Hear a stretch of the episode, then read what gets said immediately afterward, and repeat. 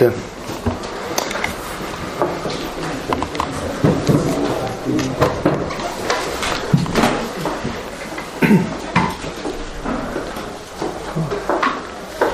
אה, מה שדיברנו שבוע שעבר, אה, אה?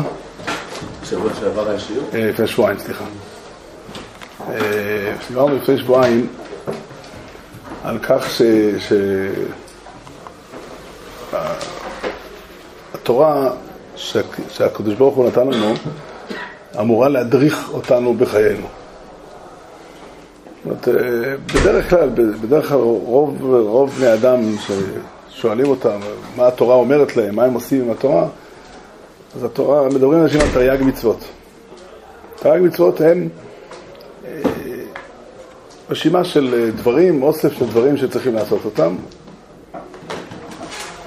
המאפיין את המצוות בצורה הרגילה שתופסים זה, זה מערכת של חוקים, של כללים, של הלכות שאותם צריכים לקיים. ואנחנו חייבים להודות שזאת האמת גם, זאת, בתורה יש תרי"ג מצוות, חלק גדול מהמצוות הם מעשים אה, ספציפיים, קונקרטיים, שבירור הפרטים שלהם הוא מלאכה שנקראת לימוד הלכה, יש לימוד הלכה בספרי קיצורים ויש לימוד הלכה מתוך הש"ס, אבל המלאכה היא מלאכה, אה, אה, מותר להגיד את המילה הזאת, טכנית ביסודה. לברר מה גדר מלאכת בורר, מתי השמש, אה, מתי בדיוק השמש שוקעת, אה, או מתי אה, השמש זורחת בבוקר, וכן הלאה. אה, חלק, מרחב מאוד גדול, מרחב מאוד גדול של, אה, של החיים של בני אדם, שהוא מטבע הדברים גם משתנה מאדם לאדם ומדור לדור, הוא, הוא מחוץ לסיפור. הוא מחוץ לסיפור. נשאל את השאלה בצורה כזאת, האם בן אדם שהוא... אה, שני אנשים שעושים את אותה מלאכה, שניהם רופאים בטיפול נמרץ.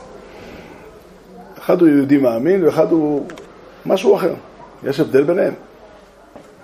הם עושים את זה באופן שונה. מה? זה נוטל ידיים בבוקר כנראה. אבל אה, שבעצם הדבר שהם עושים יש הבדל. אז כל אחד יגיד לך, זה נכון, לתורה יש מערכת של מצוות שיש להם את הכישרון, נקרא לזה, להגיע לכל מיני נקודות ושם להטריד אותך. זה באמת נכון, אין כמעט תחום בחיים שאתה לא נתקל במצוות, אבל המצוות בדרך כלל גם לא קשורים לעצם הדבר שאתה עושה. אז מה יש לתורה לומר לבן אדם שחי במציאות שלנו היום? זאת השאלה, זאת השאלה, השאלה היא שאלה גדולה מאוד. אני רוצה לנסות קצת להתבונן בנקודה אה, משמעותית, כדי לנסות ל... ל, ל, ל המילה הנכונה היא לא להשיב אליה, אלא ל, ל, למצוא דרך איך, איך, איך, איך לחיות אותה. לא יודע. לא. אני חושב ש... אני, אני לא יודע. אני לא יודע, אבל אני יודע שגם גם בחלק גדול מהמצוות שאנחנו מקיימים אותן, הפך להיות אה, חוקים, חוקים יבשים. אני קראתי אתמול תיאור של בן אדם שהיה נוהג לפני שהוא חזר בתשובה להלוות בריבית. כשהוא חזר בתשובה הוא עשה את זה עם היתר עסקי. לא השתנה בעצם כלום. לא, השתנה מאוד השתנה, יש משטר שכותבים אותו וצריכים לסדר אותו והכל בסדר. עכשיו, אני יודע, אני מכיר קצת את הסוגיה, מכיר, קצת את הדברים, הנה לך דוגמה לדבר שהוא, אה, זה טכני, זה הפך להיות לטכני. אם, זה, אם אתה עושה את זה בצורה הזאת זה נכון, אם אתה עושה את זה בצורה אחרת זה לא נכון. אין, אין, אין כאן משהו שמשנה את החיים של האדם. וכל זה נובע מהעובדה שהמערכת המרכזית, זאת אומרת, מצד אחד, בואו ננסה לה- להרחיב קצת את את השאלה יותר להתבונן בה. אם אנחנו נגיד שהתורה עיקרה היא אה, אמונה, יש גישה כזאת, אז יגידו לך בצדק שהתורה עיקרה היא מעשים. לא חוכמה להיות דתי בלב. זה נכון, להיות דתי בלב זה לא חוכמה. אבל זה בכלל לא חוכמה, אבל זה לא, לא, לא, לא מספיק. אם אנחנו נגיד שעיקר התורה היא מעשים, אז לשם הגענו. לשם הגענו שבאופן אה, מאוד קיצוני יכולים לצייר את זה, שבן אדם, אה, אה, כבר אמרו את זה בתור בדיחה, שפנו למכון אה, צומת, או איזה מכון שאם הם יכולים להנפיק אקדח של גרומה. שצריכים פה ושם לחסל אנשים, אז אפשר לעשות את זה עם אקדח מיוחד, שיפעל בפרינציפ של גרומה. זו דוגמה קצת חריפה, שאף אחד לא הגיע למקום הזה, אבל בתור בדיחה זה ממחיש את הדבר, זאת אומרת, אנחנו עסוקים בשאלה, אני אספר את זה בתור בדיחה, מספרים, זה בדיחה, אני יודע, מספרים שפעם הייתה איזו עיירה אמריקאית, שהיה בה מעט מאוד יהודים, והיה בה, בגלל מעט היהודים שהיו בה, אז אה, היה בעיר שלושה, שלוש קהילות, קהילה רפורמית, קונסרבטיבית ואורתודוקסית, ושלושת הרבנים פעלו ביחד. יום אחד ישבו שלושת הרבנים והחליטו ביניהם שהעישון הוא דבר לא טוב. הם כתבו מכתב נגד העישון. אחרי, שלוש, אחרי שבוע רואים את שלושת הרבנים יושבים על כיסא באותו מקום, באותו אה, מסעדה, ודנים ביניהם, והם שלושה משנים עם סיגריות.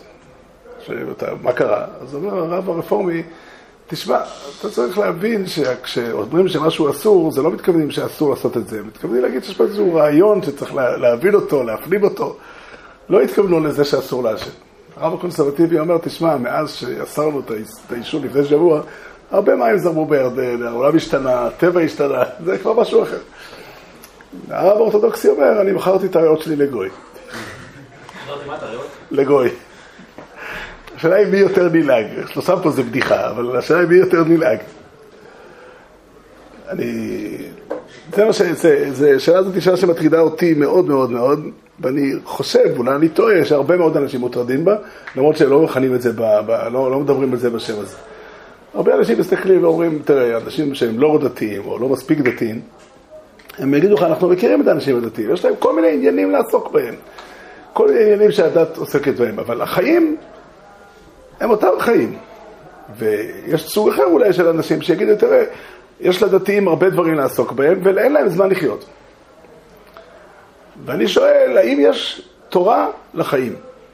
זאת השאלה שלי, ואני רוצה לומר, כהנחת יסוד אני רוצה לומר, אני חושב ש, שחשוב לשים לב שההנחה שעיקר התורה היא המצוות, היא הנחה לא נכונה. היא הנחה לא נכונה. אם אנחנו מסתכלים על התורה שבכתב, רואים כמה אחוז, כמה מקום המצוות תופסות בתוך התורה, לא הייתי אומר מקום קטן, אבל ודאי לא מקום מרכזי. אני מנסה לשחק במספרים, 25 אחוז. זה בערך כך. עכשיו, זה לא ש-25% זה כלום, זה הרבה מאוד, אבל, אבל עיקר התורה היא לא המצוות. אחת הראיות החזקות לזה שהיה אדם אחד, שהתורה מציגה אותו כאדם הכי מושלם בעולם, ולפי איך שהתורה מדברת, לא היה לו מצוות. זה אברהם אבינו. פשוטו של מקרא בביתו של אברהם אבינו אכלו בשר וחלב. לא ככה.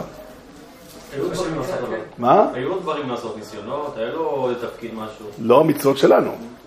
בסדר. בסדר. להכניס אורחים? כן, זה כן. איפה בתורה שלנו כתוב שצריך להכניס אורחים? כמו כל חסד. סעיף של מצווה כללית. אני חושב שהמשמעות של הדברים הוא שהתורה עיקרה היא, הרמב"ן אומר את זה, הרמב"ן, הקראנו פה את הרמב"ן לא מזמן בהקדמה לפירוש התורה.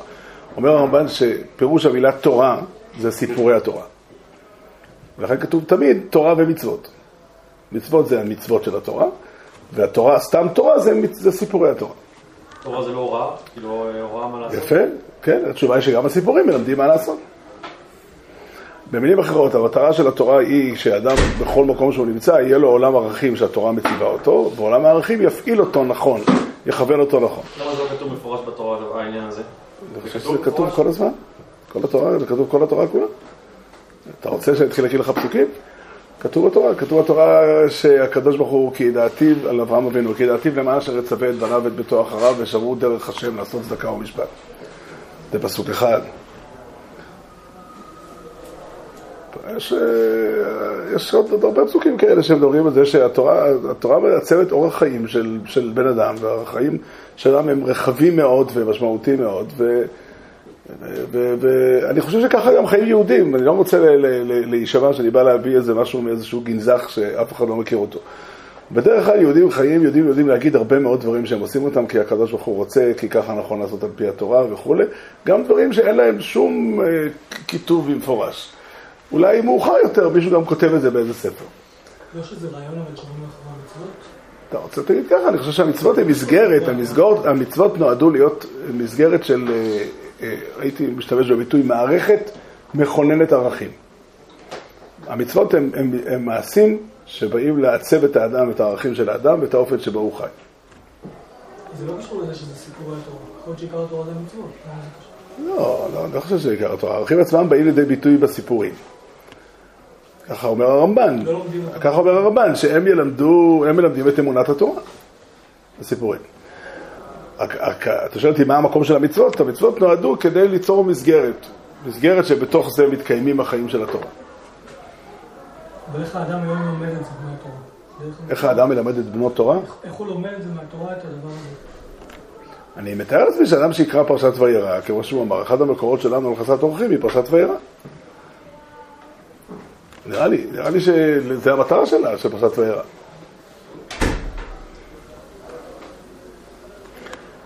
אני לא, זה, זה, זה מורכב יותר, זה, הנושא הוא מורכב יותר, ואני רוצה קצת ללמד אותו יותר בעומק, אבל אני חושב ש...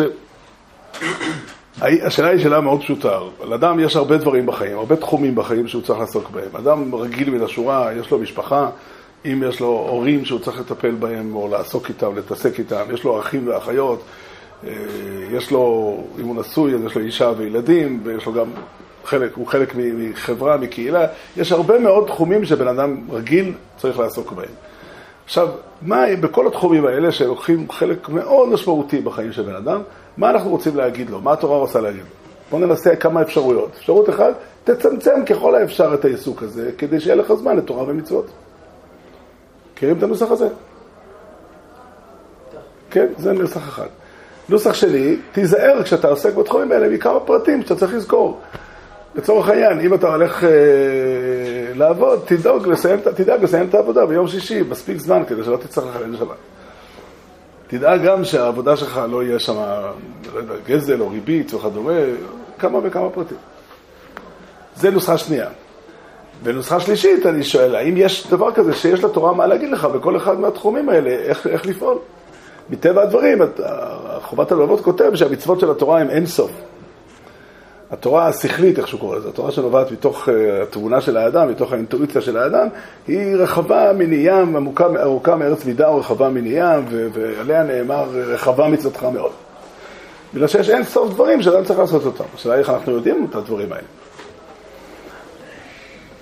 אני חושב שאנשים בדרך כלל מבינים שהתורה משפיעה, אמורה להשפיע על כמה אדם יהיה רודף ממון, על כמה אדם יהיה נאמן לחברים שלו. עכשיו, גם אפשר להכניס כל דבר לתוך אה, תרי"ג מצוות. אני אספר לכם סיפור נוסף, יש לי דוד שהוא אה, אחד מרבותיי, אני שואל אותו תמיד שאלות, בעיקר שאלות בהלכה. יום אחד הוא התקשר אליי ושאל אותי אם אני מוכן לעזור לו, כי יש ספר שנקרא שער הגלגולים של האריזל. ושם כתוב שהאריזל שלח את רב חיים ויטל לקברים של צדיקים קדמונים כדי לעשות ייחודים. לא משנה כרגע, שאל אותי הדוד, איזה מצווה הוא עושה כשהוא הולך לעשות את הייחודים האלה? מצוות תלמוד תורה, מצוות תפילה, לאן זה שייך? לאיזה מקום? הוא אומר קיימלן, ככה הוא אמר לי, קיימלן, שכל מה שאדם צריך לעשות בחיים זה שייך לתרי"ג מצוות, או ברמה של חובה, או ברמה של הידור מצווה וכולי. אין דבר שלא שייך לתרי"ג. אז תגיד לי, אומר, אותו, אותו דבר, אותה פעולה שעושה רב חיים ויטל בקבר של, נגיד, של אביי ורובי, יש כזה סיפור בשער הגלגולים. האם זה אומר ש... לא רחוק מצפת, אני מכיר את המקום. הייתי שם הרבה פעמים. האם זה, זה, זה שייך לתפילה, זה שייך ל... לאיזה שייך? אז שאלתי אותו, אני רוצה, באמת, תענה לי, דודי היקר, מה אתה חושב? אם יש אדם שאומרים לו שיש לו אפשרות להביא את משיח, להביא את הגאולה מיד, הוא יודע פעולה מסוימת ש, ש, שזו תהיה התוצאה שלה. האם יש, הוא צריך לעשות את זה? איזה מצווה יש בזה? אז הוא, יש בזה הרבה מצוות. יש כזה מצווה? אמרו לי, יש בזה הרבה מצוות. יש כמה וכמה יהודים שסובלים ויש בזה מצוות חסד. יש כמה וכמה יהודים שעוברים עבירות בינתיים ויש בזה מצוות על הפרושה מאיסורי. יש בזה גם מצוות בניין בית הבחירה. כיוון שכשמשיח יבוא אה, ייבנה בית המקדש וכן הלאה. אמרתי לו, ואילולי זה, הוא אומר לי, לא, אז לא, אז למה? אמרתי לו שאני חושב שזה לא נכון, אני חושב שעיקר התפקיד של האדם זה לתקן את העולם, רק הקדוש ברוך הוא יודע לדבר, אז הוא גם כלל את זה במצוות. אבל אני, אני, לא, אני לא חושב שזה נכון. זו שאלה, אני חושב שהיא שאלה מאוד מאוד משמעותית, ואני רוצה להציב את העמדה שלי. העמדה שלי היא שהתורה באה לייצג עולם ערכים. ועולם הערכים הזה הוא משמעותי מטבע הדברים לכל מיני מקומות, וזה עולם ערכים שהיישום שלו משתנה בהתאם למצב. זה מה שנכון בחלק הזה של התורה. החלק של התורה שנקרא מצוות הוא חלק שנחתם וקבוע בגדרי ההלכה, ובו אנחנו אה, צריכים לקיים אותו באופן הלכתי. כן. הרב בעצם טוען שהתפיסה של התורה זה תפיסת חיים שלא קשורה למצוות, והמצוות, מה תפקידם לא? קשורה למצוות. להגדיר? אמרתי, המצוות באו לכונן ערכים. דהיינו, לקחת את הערכים של התורה ולעצב אותם בצורה שזה יהיה חזק. אני שואל מאיפה אני יודע שאדם צריך ללמד את בנו אומנות, ובחרת בחיים. היה מקום, זה תמוה מאוד, הרי אני הייתי אומר שצריך ללמוד אומנות, כי כי זה... בגמרא כתוב חיות ההיא. הגמרא בבבלי כתוב, הגמרא בבבלי אומרת חיות ההיא. כן, זה חיים. אני חושב שלא, אני לא חושב שצריך לתפוס את הירושלמי על, ה- על המילה הזאת. אני חושב שהוא ניסח את אותו דבר בצורה אחרת. הגויין כותב את זה גם כן. הגויין כותב יותר חריף, הגויין כותב ב- ב- ב- בפרשת ויגש, הוא מביא את דברי הרמב"ן. הרמב"ן מתקשה, מה רצה יוסף הצדיק מהאחים שלו? מאמצע פרשת מקץ, שהאחים מגיעים לפניו, מה הוא רצה? אומר הרמב"ן, ואני לא נכנס כרגע לסוגיה של פשוטו של מקרא, יש פה כמה וכמה צדדים לדון. אבל הרמב"ן אומר שיוסף רצה להגשים את החלומות, והוא היה מצווה על זה, ככה, ככה המנצח, כאילו, עצם החלומות יש בהם חובה על יוסף להגשים.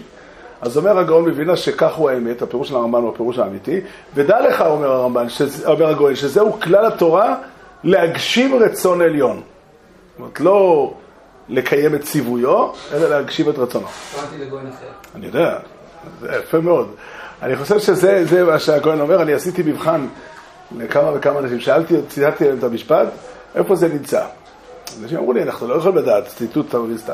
אמרתי לו, "ת- תנסה לנפות לאיזה אגף במחשבה היהודית זה מופיע. כולם אמרו לי, הבעל שם טוב ותלמידיו. זה כתוב בגויין. אני חושב, הג- הגויין מאוד חזק בזה. הגויין מאוד חזק בזה, בכמה וכמה מקומות הוא אומר. הוא אמר שהתורה כולה לא מכוונת לעשות את הציוויים, לא המצוות הם העיקר, אלא יש דרך שהשם מלמד אותם. הוא אומר, עיקר התורה זה והלכת בדרכיו. והלכת בדרכיו זה נקרא, יש דרכים שהשם מלמד אותם, שהשם מורה אותם, שהשם הולך בהם, שהם דרכי השם, הם הדרכים הנכונות והטובות, שצריך ללכת בהם. ויש גם, יש, עומד, עומד, מאחורי, עומד מאחורי הדרכים האלה יש מגמה. והמגמה, את המגמה אפשר, אה, אה, צריך להגשים בחיים של האדם. מה המקום של חוקים? מה? מה המקום של חוקים בתורה לפי זה? שהם לא באים לבטא איזה ערך שהם בחיים שלהם. אין דבר כזה. אין דבר כזה. אתה שואל אותי, קודם כל יש גם ערך של ציוץ, זה דבר אחד. דבר שני, החוקים בפשטות, ככה הנחה פשוטה. באים להרגיל את האדם שהשימוש שלו עם העולם, קודם כל, אה, השימוש שלו עם העולם אה, הוא, הוא זקוק לגבולות.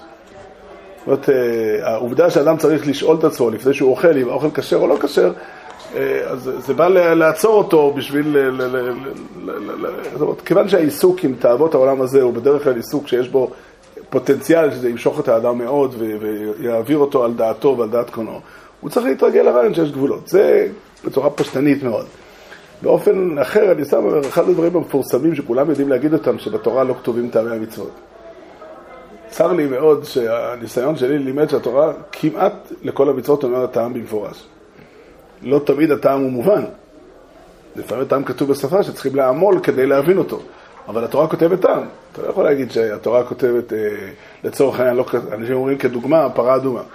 פרה אדומה זה המצווה שהטעם שלה כתוב בתורה בצורה הכי מפורשת. הכי מפורשת. כתוב בתורה שני רעיונות שנמצאים בפרה אדומה. זה חטאת וקורבן חטאת, וזה בא לתאר. אתה יכול לשאול למה זה בא לתאר, למה זה מתאר, אבל למה אתה עושה את זה? אתה עושה את זה מסיבה מאוד uh, פשוטה. יש לזה סיבה, זה לא... אה, מה? מה שכולם אומרים זה איך איך זה עובד. כאילו. שומע, זה קושייה, אבל... יש את זה הפוך, שזה מתאר ומטמא. עוד קושייה. לחלק מהקושיות אפשר לענות תשובה, חלק מהקושיות התורה עצמה אומרת את התשובה. לצורך העניין שהתורה אומרת על מעשים מסוימים שהם אה, טמאים או, או תועבה. התורה אומרת לך טעם, והטעם שהיא מדברת עליו היא טעם שנתפס באוזניים של בני אדם.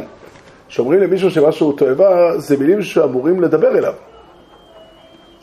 זה שאולי אני לא מבין בדיוק למה, זה דורש מחשבה, דורש התמודדות. לפעמים אולי פער הדורות גורם שאני לא מבין, לפעמים פער השפה, לא יודע, זה דורש עמל. אבל אה, ההנחה שהתורה לא אומרת חוקים בלי טעם היא, היא, היא הנחה לא בדוקה. אני בינתיים מצאתי מצווה אחת שהתורה כותבת לכאורה בלי טעם. לא שאין לזה טעם, אלא שהיא לא כותבת את הטעם. אבל חוץ מזה, אני לא מצאתי עוד מצוות כאלה. איזה מצווה? איסור עורלה בפירות. אני יכול להעלות רעיונות לבד מה הטעם של זה, אבל לא כתוב בתורה. חלק גדול מהדברים, הדברים האחרים כתוב בתורה, עד זקנם לא יגלה בו כתוב פאת זקנם לגלחו, נראה לי שהתורה קוראת אה, פאת זקנם לגלחו, זה לא הראשון בתורה. אבל... אה, לא לא הבנתי. אה, זה שלא כתוב הטעם ולא תגנוב? אה, אני חושב שכתוב טעם, אה, גם, גם לא תגנוב כתוב טעם. כשכתוב בתורה לא תיקום ולא תיטור את בני עמך, או אה, ולא תשנא את אחיך בלבביך, המילה אחיך היא מבחינתי טעם. הכוונה היא הוא אחיך והאחל אל תשנא אותו. אה, לא, נראה לי שלזה המשמעות, יש לך יחס של, של אחווה איתו. טעם לא צריך להיות כתוב בנוסח שאומר לא תעשה ככה כי כך וכך. כנראה שהתורה מסבירה את עצמה, שהתורה אומרת לא תבשל גדי בחלב אמו, היא אומרת לך שזה חלב של אמא שלו, מה, מה קרה לך? צריך להיות קצת רגיש בשביל אה, ל- ל- ל- לעשות. על פנים, עיקר הטענה שלי היא זו, עיקר הטענה שלי שהמצוות, בטבע הדברים, ויש, אה, המבנה של המצוות, ודאי באופן שאנחנו מכירים אותו בתורה שבעל פה, הוא מבנה של מערכת חוקים וכללים שנבחנים, נגיד את זה בשפה של, של רבי יהודה הלוי כותב את זה, לא לפי ההיגיון הדתי, אלא לפי ההיגיון המשפטי. זאת אומרת, כאשר אנחנו דנים אם פעולה מסוימת אסורה בשבת או לא, אנחנו לא דנים בשאלה מה המטרה של השבת, קדושה, מנוחה, ברכה, כל הערכים שכתובים בשבת, והאם אה, לעשות כך וכך זה סותר את הקדושה של השבת, אלא דנים בהגדרה שיש הגדרה שנקראת מלאכה ויש הגדרה שנקראת בוירר, האם זה נכלל בהגדרה או לא. זה המבנה ההלכתי שחז"ל לימדו אותנו בכל המקומות שהם מדברים בהלכה. אבל, ולכן מזה נובע האופי המסוים של ההלכה, שהוא, אה, איך הייתי אומר, הוא חוק. לא במובן של חוק שאין לו טעם, אלא במובן שהוא חוק קבוע. והוא לא ניתן, הוא לא תלוי בטעם, הוא לא תלוי בהקשר. אבל אני חושב ש, שזה המבנה החיצוני של התורה.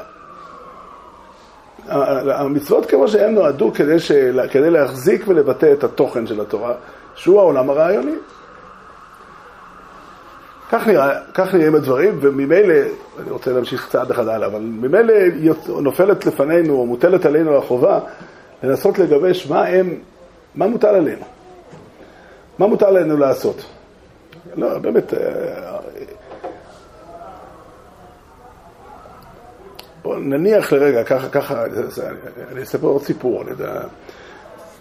ככה סיפור הולך. הסיפור הולך שישבו בכנסייה הגדולה ודנו לפני שנים רבות, שהגיעה אה, הצהרת בלפור הייתה, אה, הצהרת בלפור הייתה הצהרה של, של שר החוץ הבריטי על זה שהם כובשים את ארץ ישראל כדי לתת את ארץ ישראל לעם היהודי, להקים בית לאומי לעם היהודי, ושלחו את ההצהרה הזאת למוסדות יהודיים גדולים, והיה צריך אה, לענות, נדמה לי זה לא ככה, זה היה במרינבד על הסכם החלוקה, הציעו את תוכנית החלוקה, והייתה, שאלו לכל הארגונים היהודיים, שלחו את השאלה, מה, מה הם אומרים על זה.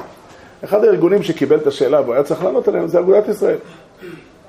ישבו במועצת גדולי התורה של אגודת ישראל ודנו בשאלה מה להגיב לתוכנית החלוקה של האו"ם. ומטבע הדברים הדיון היה קשה ומורכב, היה בו כמה וכמה דעות, והדיון ממושך וכולי. ובאחד השלבים של הדיון אמר אחד מהמשתתפים, חבל שאין פה את אליהו הנביא כדי שיעזור לנו לענות, שיבוא המשיח, יענה לנו על השאלה הזאת. אז מישהו אחר ענה לו, ככה מספרים כותבי התולדות, אני כמובן לא, לא הייתי שם. אבל הסורים שאחד אמר לו, לא, אבל נראה לך שכשיבוא אליהו הנביא נשאל אותו את זה, נשאל אותו קו בארבע אמות. מה שנקרא, בתחילת אלוביציאס, יש שם גמרא קו בארבע אמות, התשובה היא תיקו, אז נשאל את אליהו הנביא, מה הדין בקו בארבע אמות? או נגיד את זה בנוסח אחר, הייתי לא מזמן באיזה שמחה ומישהו אמר על זה דרשה. בפרשת אה, ויגש כתוב שיוסף אומר לאחים, אל תרגזו בדרך. אומר רש"י, שלא תעסקו בדרך בדבר הלכה. אז אמר אותו אחד, אה, קרוב משפחה שלי, אמר, תראה מה זה, יוצאים האחים אחרי כזה סיפור, אחרי עכשיו שמתגלה, מצאו את יוסף, על מה הם ידברו כשהם יצאו החוצה? זו סוגיה הלכתית כלשהי. אני אמרתי לו שאל תעסקו בדבר הלכה, זה השאלה אם היה מותר למכור את יוסף או לא, אם עשינו טעות או לא, אולי אני צודק, אולי הוא צודק. יש פה גישה.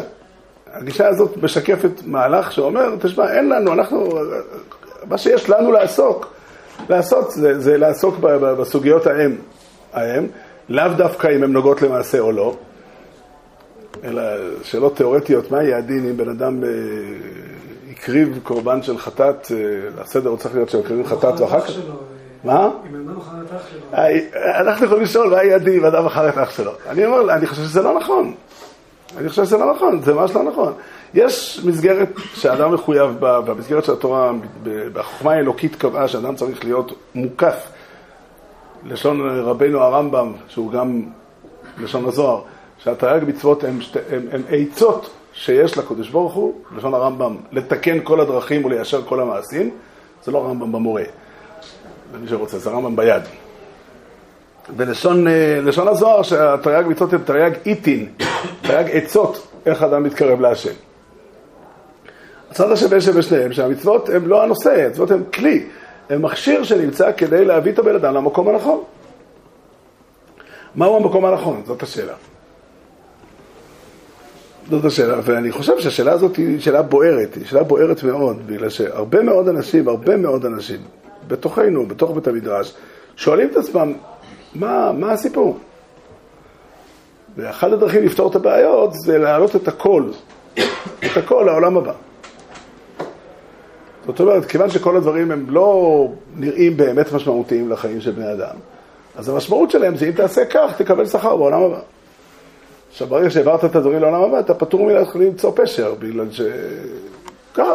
העולם הבא הוא עולם שבכל מקרה עין לא ראתה אלוקים זולתך, יעשה להם מחכים לה. אז אה, מה עוד, מה עוד יש לשאול?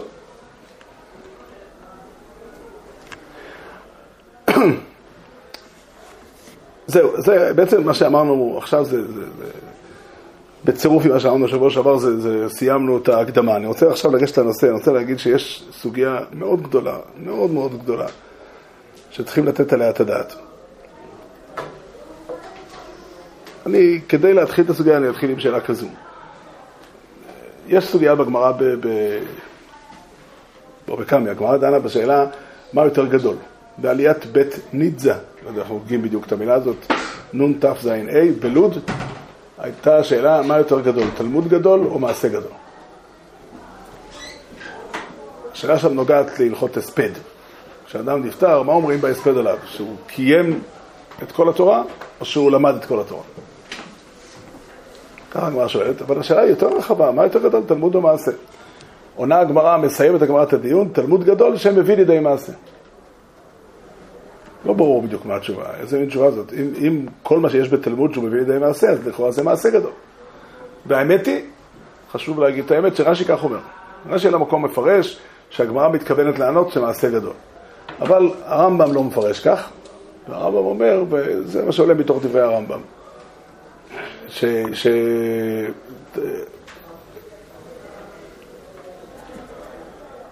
הרמב"ם אומר שתלמוד גדול שתלמוד גדול שמביא לידי מעשה וזה צריך ביור. אני רוצה לנסות לענות תשובה לשאלה הזאת, ואני משתמש בזה כדוגמה, כמבוא לרעיון כללי יותר וגדול יותר. אם אנחנו ניקח, אה, אה, ניקח מוסד כמו בית ספר. בית ספר יש תלמידים ומורים. מי העיקר של המוסד? ברור. אז אני מציע שכל פעם שהתלמידים נכנסים לכיתה, המורה יעמוד. בית הספר שאני למדתי, היום זה קורה. בבית הספר שאני למדתי זה לא היה ככה. או לחילופין, מי יותר חשוב בבית החולים, החולים או הרופאים? ברור שהחולים. אוי ואבוי לבית החולים שפועל במגמה לסדר פרנסה לרופאים. אבל uh, עדיין מי שקובע מה קורה זה הרופאים. אני חושב שיש פה דבר שהוא עקרוני. הדבר שהוא עקרוני הוא כזה, יש, כאשר אתה רוצה, אה, כאשר אתה רוצה ש... ש... בלי ספק המטרה של בית הספר זה התלמידים. והמטרה של בית החולים זה הרופאים. אבל אם אתה רוצה שבאמת זה יצא לפועל והרופאים ישפיעו על החולים, או המורים ישפיעו על התלמידים, צריך ליצור היררכיה. צריך ליצור יחס. והיחס צריך להיות שהתורה, המורים יהיו במקום גבוה יותר. זה הצורה. אם אתה רוצה, המטרה של ה... למדתי את זה בדברי המכילתא. המכילתא בתחילת אה, פרשת בו, מביאה רשימה של דברים שאנחנו לא יודעים להכריע מה יותר חשוב. משה ואהרון. פסוק אחד אומר משה ואחר כך אהרון, פסוק אחד אומר אהרון ומשה. למדת ששניהם שקולים. שמיים וארץ. פסוק אחד אומר בראשית ברא אלוקים את השמיים ואת הארץ, ופסוק אחר אומר אלה תולדות, אה, ביום עשות השם אלוקים ארץ ושמיים. למדת ששניהם שקולים. אב ואם. אב ואם, במקום אחד כתוב כבד את אביך ואת אמך, איש אמו ואביו תיראו, למדת ששניהם שקולים.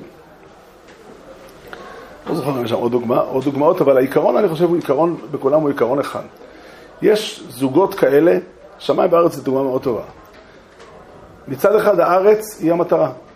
הקדוש ברוך הוא ברא את העולם בשביל האדם, האדם חי על הארץ, וכל מה שיש למעלה הוא, המטר, הוא בשביל להנהיג את העולם. אבל כדי שהשמיים ינהיגו את הארץ, אז השמיים צריכים להיות למעלה והארץ צריכה להיות למטה. אם תשים את הארץ למעלה ואת השמיים למטה, אז הגשם לא ירד לארץ, מן השמיים. אני אשתמש במטאפורה. אני מתכוון לומר, הסדר הוא שכדי שמשהו יפעל על משהו, אז צריך להעמיד את המשהו האחד מתחת למשהו האחר. זה סדר עקרוני, ואותו סדר באמת נמצא ביחס בין תורה ומעשים. יש מציאות, המציאות היא שהעולם הזה דורש, העולם הזה דורש תיקון. העולם הזה דורש תיקון, והתיקון הוא, אה, הוא המטרה. הרמק בספר תום ודבורה, יש לו, אה, הוא בנוי על סדר עשר ספירות, ועל כל אחת מהן אה, הוא כותב איפה נמצאת ההנהגה המעשית. אז הוא אומר שם, התפארת, מידת תפארת היא כנגד התורה, ומה שיש ללמוד בזה שהתורה, כמו התפארת, תמיד עיניה למטה. תמיד היא פונה כלפי מטה לתקן, כמו שהתפארת תמיד עיניו מן המלכות. לא משנה הפרטים, המשל, אבל העיקרון שכתוב שם שהתורה תמיד היא או ללמוד על מנת לעשות, או ללמוד על מנת ללמד. שהתלמידים יוכלו גם לעשות. זאת אומרת, אין לתורה שום דבר לא חוץ מלפעול ולתקן.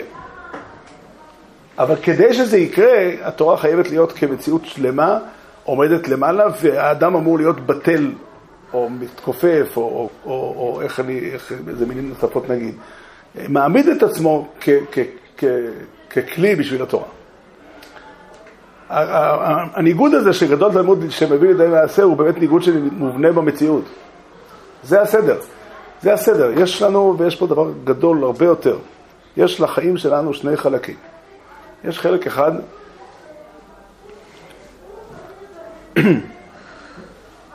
נקרא לזה ככה, המקום שבו בן אדם, האדם יכול לזכות לגילוי שכינה. הוא מקום שמטבע הדברים אדם צריך לפרוש מהמציאות ולהיות במקום עליון יותר כדי לזכות לדבקות בהשם. כדי לזכות ל... ל, ל חז"ל ביטאו את זה מאוד מאוד יפה, גדולה הכנסת אורחים יותר מקבלת פני שכינה. אבל זה שני דברים שונים. כדי להיות, אה, כדי לקבל פני שכינה, זה לא הולך ביחד עם הכנסת אורחים. הכנסת אורחים אתה צריך לשבת עם האורחים ולארגן להם בין בקר רך וטוב, ולאפות להם לחם, לאפות להם לחם ולארגן את כל, את כל המערכת הזאת, וזה לא קבלת פני שכינה. קבלת פני שכינה דרושה דורשת מצב שבו אדם מפנה, מפנה את עצמו מכל העיסוקים האחרים, והוא נמצא במציאות עליונה. עכשיו, יש בחיים שלנו חלק, חיים של יהודים, חלק מהחיים בנוי על הרגעים האלה, על הרגעים, על הזמנים, על השעות האלה. זה חלק בחיים שלנו. יש בבית הכנסת, יש בסמדרש, בסמדרש אסור לעסוק פה בענייני חול. ענייני ציבור זה משהו אחר, אבל באופן עקרוני בסמדרש נועד ללימוד תורה, הכוונה היא המקום הזה, לימוד תורה הוא מציאות של פרישה. הוא מציאות של פרישה, מציאות שאדם עוזב את העניינים שלו ועסוק בלימוד התורה. ככה זה נראה. אחד לומד תורה, קובע איתי לתורה עשר דקות ביום, ויש אדם שהוא תלמיד חכם, שהוא זוכה לכתרה של תורה, והחיים שלו נמצאים במקום אחר.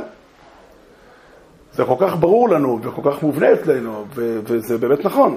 באמת נכון שיש חלק בחיים של האדם, חלק מהותי במציאות של, של, של הקשר עם הקדוש ברוך הוא, שהאלוקים נוכח בחיים שלנו, הוא צריך לפנות לו שטח. בית המקדש בירושלים הוא מקום שהוא קודש. שם בבית המקדש אסור להיכנס לשם עם עיתון, ואסור להיכנס לשם עם, אפילו עם ארנק, כך כתוב. אסור להיכנס לבית המקדש עם ארנק, להר הבית אסור להיכנס עם ארנק. למה? מה זה, ארנק זה רע? אתה יודע כמה מצוות אפשר לעשות עם ארנק? עדיף עם ארנק מלא. אבל אה, כן, הרבה מאוד מצוות אפשר לעשות איתן. אבל המפגש עם השם באופן עקרוני חייב להיות, חייב להיות, סוג, חייב לכלול בתוכו פרישה. ככה זה גם השבת. כל, כל אופן זה לפי, לפי מידתו, האופן של הפרישה, המידה של הפרישה והצורה של הפרישה. אבל כדאי לדעת שהמטרה של הפרישה היא אף פעם לא בשביל עצמה. או יותר, ננסח את זה לסוח אחר, הפרישה מביאה אותך למפגש עם בורא עולם, והמפגש עם בורא עולם מלמד אותך לחזור חזרה לחיים ולפעול שם נכון לפי ה... בהתאם או ביחס נכון לאור האלוקי. זה פירוש המילים גדול תלמוד שמביא לידי מעשה. אם אנחנו, נכון שהמטרה של התלמוד היא להביא לידי מעשה, אבל אם הגישה של אדם לתורה תהיה גישה, אינסטרומנטלית, אה, אה, אמצעי בלבד, הוא לא יקבל, התורה לא תדריך אותו. הוא ידע הלכה כזאת או הלכה כזאת, אבל כדי שהתורה תעצב את החיים של האדם, הוא צריך לעמוד מול התורה, וכביכול התורה היא, היא, היא ה...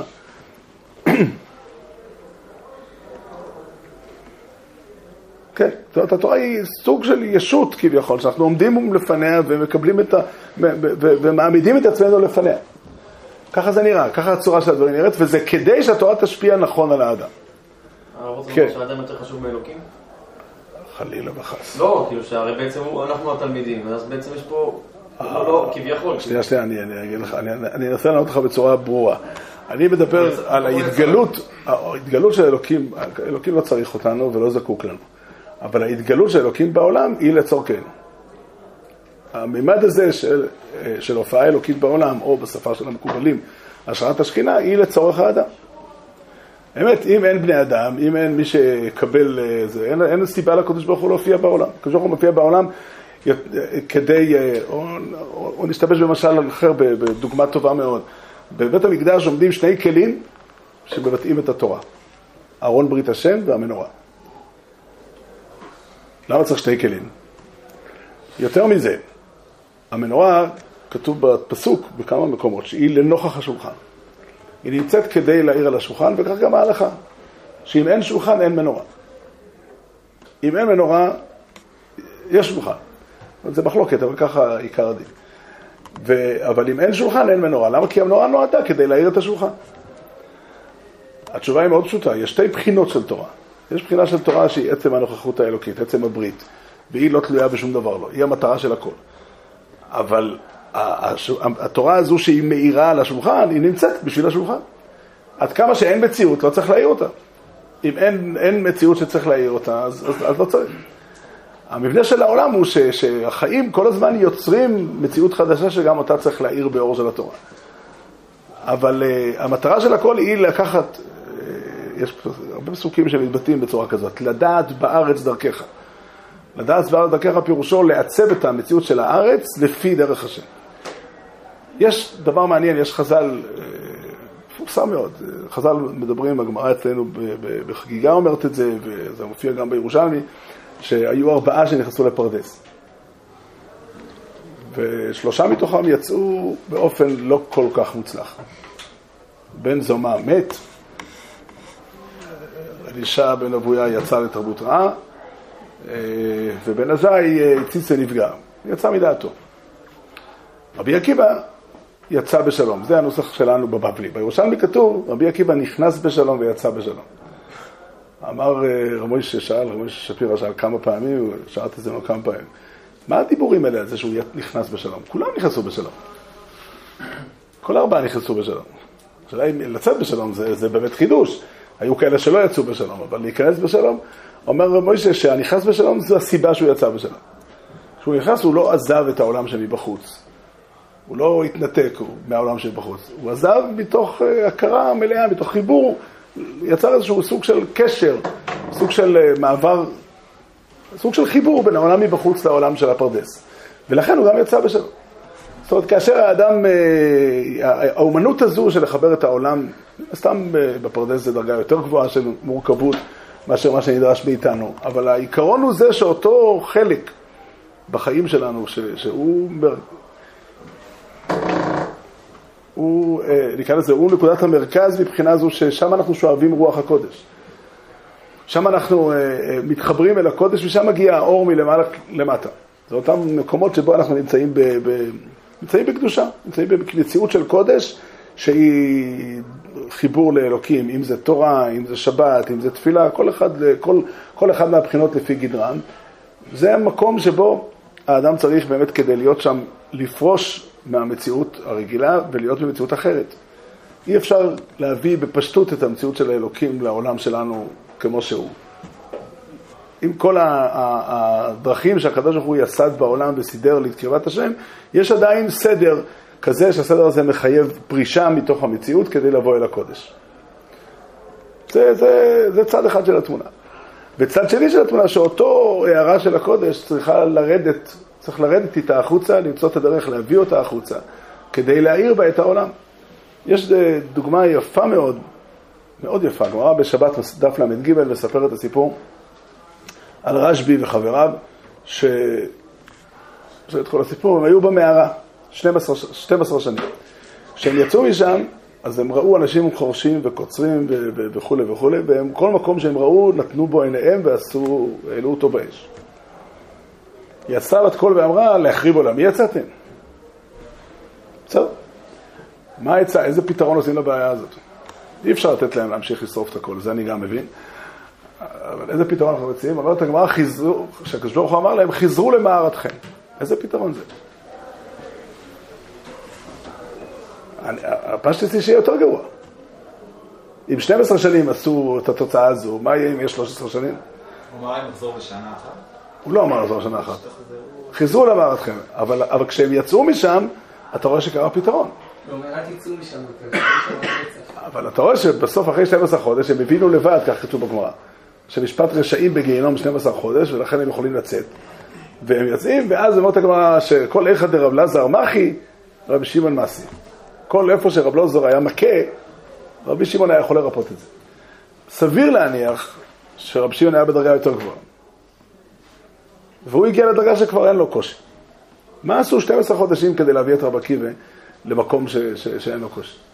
הוא הגיע למקום כזה, ב, ב, ב, ב, נקרא לזה, במקום הנעלם, ש, שזה כבר לא היה סתירה עם החוץ. זה, לשם הגיע הרשב"י. רב לוזור עוד לא הגיע לשם. צריכים גם את רב לוזור לסדר, אז כתוב בגמרא שהגיע איזה יהודי אחד, שרץ עם הדסים לקראת שבת, ואמר, אני לוקח הדסים, אחד כנגד זכור, אחד כנגד שמור, ורב לוזור נרגע. רב לוזור ראה שיש אופן איך יהודים מחברים לקדושה גם את העולם שבחוץ. אבל שוב, אני אומר, יש פה תורה שלמה.